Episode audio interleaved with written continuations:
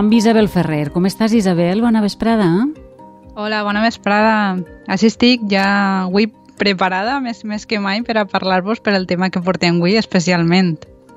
Ah, el tema m'apassiona, m'apassiona perquè ahir jo em feia referència, eh, 3 de maig, era el Dia Mundial de la Llibertat de Premsa, no? Exactament, que és un dia que ja ho sabem que el va declarar l'Assemblea General de les Nacions Unides amb la idea de fomentar la llibertat de premsa com un component essencial de tota societat democràtica. Aleshores, és una data que vol commemorar el compromís de totes aquelles persones que ens dediquem en els mitjans de comunicació a informar a la ciutadania i que, i que la data també denuncia simultàniament totes les formes de, de censura que malauradament continuen ocorrent. No?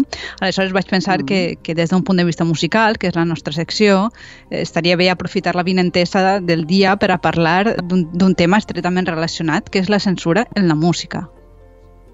Ah, però quan diem censura en música, vull dir, ens referim a músiques prohibides, per exemple?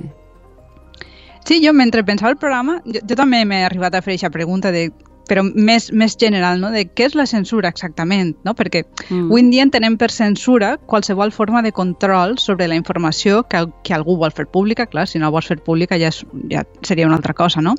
Que algú clar. vol fer pública i aquesta censura es fa alegant motius de caràcter moral, polític o religiós. Mm -hmm. Vos en poso un exemple que coneixem tots. El franquisme tenia tot un aparell administratiu dedicat exclusivament a això, a controlar segons els seus preceptes morals quina música podia sonar i quina no, o jo que sé, una, una notícia en el periòdic, eh, una cançó que volies fer en l'espai públic, hi havia unes persones que prèviament ho revisaven i, i, i et deien si ho podies fer o no, i això podia tenir conseqüències. Després parlarem un poc més en detall de la censura franquista. Uh -huh. eh, però clar, el franquisme era una dictadura. Hi ha formes de censura fora de les dictadures també, entenc, no? Jo he estat pegant-li voltes i diria que sí, sí, de fet, eh, jo crec que sí, però també crec que hi ha, hi ha especialistes que així creuen que afirmen que no totes les formes de control sobre l'art o sobre els mitjans de comunicació les podem anomenar tècnicament censura, sobretot si pertanyen a un passat llunyà, no a la nostra contemporaneitat o no al segle XX. Vos en posaré uh -huh. un exemple més musical. Si, per exemple, un rei del segle XVIII decidia només beneficiar econòmicament a un compositor en concret, estem parlant d'una monarquia absoluta, eh, a un compositor en concret per a escriure òperes, això volia dir que cap altre més compositor rebia diners per, per part del rei. En el context del segle XVIII, això volia dir que probablement cap compositor d'aquí regne podria fer òperes perquè mai podria replegar prou diners per a dur-les a escena. Clar, teòricament això no és censura, perquè no han prohibit mm. res, però en la pràctica el resultat és molt semblant i això Clar. avui en dia continua passant. No hi ha algunes mm -hmm. coses prohibides, però mm, se'n se poden fer altres maniobres. I tant que sí. Eh, I clar, això ens porta a la següent pregunta. Específicament, en música, en música, la censura com funciona? Perquè una melodia qualsevol, eh, dic jo que deu costar de saber el que vol dir, no? sobretot si són eh, censors com els que eren al franquisme, vull dir, els passava per alt eh, la meitat de les coses, no? Bueno, d'això després parlarem, perquè n'hi ha una part que és, que és de veres, n'hi ha una part també de, eh, de, que és un poc mite, no? Però en música, en general, eh, primerament caldria distingir entre aquelles músiques que tenen paraules associades i les que no. En les que tenen paraules associades, la censura funciona d'una forma pareguda a un llibre o a una obra de teatre. Si allò que diuen no agrada a les autoritats de torn, se censura. Després parlarem de casos mm -hmm. en concret. Però este tipus de censura afecta sobretot a marxes revolucionàries, fa unes setmanes que parlem, per exemple, de la marsellesa, també a òperes, a cançons, etc. Ara bé, en les músiques que no tenen lletra, la cosa ja canvia un poc, eh, ja que la música instrumental, en general, no transmet missatges prou precisos per a que les autoritats la, la puguen prohibir. Per a que hi hagi censura sobre una música instrumental, primer ha hagut d'haver-hi una unió externa d'esta música amb un significat concret. I ara també posaré un exemple perquè no queda un poc críptic. Per exemple, la moixeranga és una peça instrumental que no diu res sí. perquè no té text, però tots sabem que mm, per de curs històric és una peça que porta associades més idees que la música en si mateix, que és una música per a construir torres humanes. Aleshores, mm. eh, és, eh, és un exemple d'una música que eventualment podria ser prohibida no per la música en si, sinó per les idees que porta associades, tot i no tindre lletra. Ah, està clar, està clar. Per tant, eh, en les músiques que no tenen lletra, allò que genera la censura és l'associació d'idees que fem amb elles. Exacte. El que passa és que, especialment eh, en les societats dictatorials, això encara és, augmenta no? els, els límits de, de, dels censors que no entenen no? per a posar, per a que prohibeixin i que no, perquè és com dir ja que es pot prohibir tot. I arran d'això vos parlaré d'un cas prou famós en la història de la música, que és la censura que exerciren els nazis sobre un tipus de música moderna. Escoltem-ne un fragment primer. curiosa.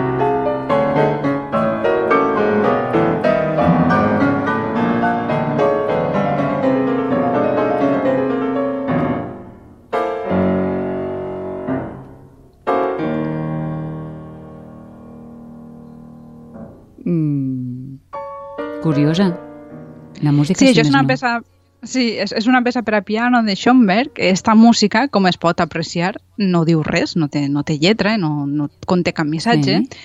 però en el seu moment la manera en què està escrita començà, bueno, va ser molt revolucionària des d'un punt de vista artístic perquè plantejava, com hem pogut escoltar, sonorament coses noves. Però anys més tard, el règim nazi, en la seva campanya contra tot allò que fora modern, va decidir que aquest estil de música era nociu per a la població i el va anomenar degenerat. Per tant, no només calia prohibir la interpretació i composició i estrena d'aquest tipus de música, sinó que fins i tot va perseguir-lo i, i destruir obres i feu exiliar o assassinar els, els seus autors.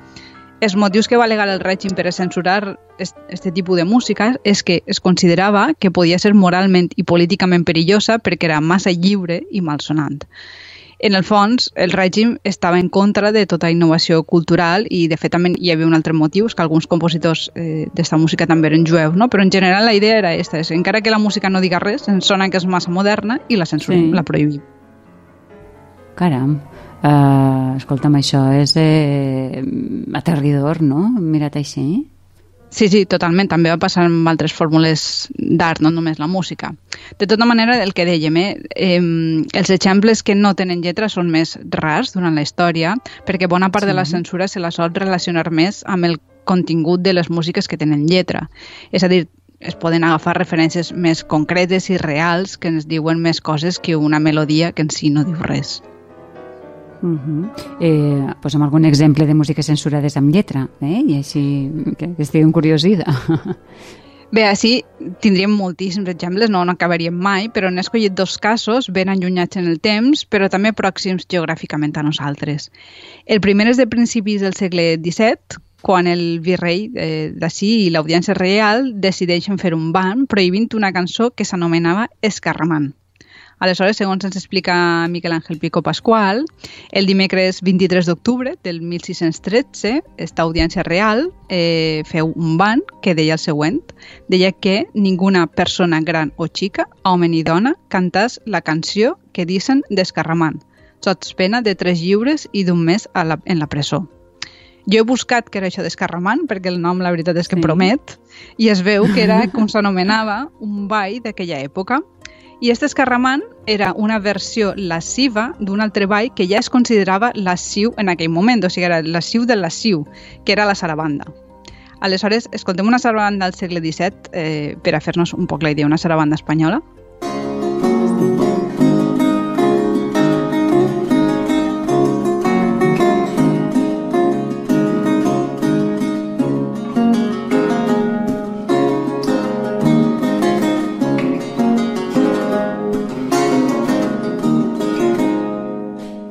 Això és una sarabanda de Gaspar Sanz, que, que avui en dia és una de les que s'ha fet més famosa, però es, es, es veu que la sarabanda i l'escarramant, a més de ser baix, que avui en dia a nosaltres ens sona en, en potser no tan, mm, la, no tan cridaners no? que no en aquell moment, que, que sí que ho eren, clar, a més de ser baix, a més portaven lletra. I amb lletres pujadetes de so en consonància amb el ball. Per això imaginem que en València ho prohibiren i bé, serà el primer exemple que volia contar-vos. Uh -huh. eh, eh, això del ball lasciu, Isabel, eh, m'ha fet recordar el que deien de Luis Presley, recordes a l'inici, que, que movia massa els malucs, no? Sí, clar, hi ha, hi ha televisions que censuraren la, la, seva, la seva emissió. Bé, estem parlant també de censura sobre el cos, que també ha tingut molt de regut, regut eh, durant la història en els balls. No? I així part del, de la responsabilitat la, la té l'Església, que seria un altre dels components. Clar, a veure, com sempre, no? Vull dir, eh, per això que eh, ens n'hem anat eh, del que estàvem parlant de la censura al principi, no? Sí. Les lletres que posàvem. Sí, sí, la censura en les lletres hem passat al cos, no? Però estàvem parlant de la censura en les eh, lletres. Està, està relacionat I, tot. Eh, sí, de la veritat, està tot un poc en el mateix, en el mateix pack. I tornem al cas de la censura franquista, que era el segon exemple, perquè jo he estat un poc informant-me no? de, de com funcionava i hi ha un documental que corre per internet que he fet sobre una recerca d'una musicòloga que és Maria Saligru i ella porta molts anys fent recerca sobre la nova cançó i un poc ens explica en el documental com funcionava aquesta censura. Aleshores, si un cantautor o cantautora volia publicar una cançó, primerament havia d'entregar-la a una delegació provincial del govern. Això durant el franquisme. Després, a les cançons se'ls assignava un número i gràcies a això, diu ella, també sabem que n'hi hagué com a mínim 410 expedients de músiques censurades, que segurament n'hi hagué moltes més, eh? però que tingueren este número 410 de cançons que es van presentar i es va canviar la lletra. Mm. Eh, este expedient de la delegació provincial s'enviava a Madrid, allí ho rebia el Ministeri d'Informació i Turisme i finalment arribava a mans dels censors. Aquestes eren les persones que decidien que se censurava, que no, quines frases se podia dir, quines no, però de vegades també la seva estratègia era directament no contestar, o sigui, després de, tu havies fet una cançó i després de fer tot aquest viatge directament no te responien. O sigui, si no et contestaven, mmm, no estaves autoritzat o com? No, no, sí, clar, si no te contestaven, teòricament no estaven autoritzats i te podien multar, posar a la presó, torturar o, o matar. Eh, de fet, un dels fets més interessants que remarca Maria Salicru és que els censors de música eren també censors de llibres.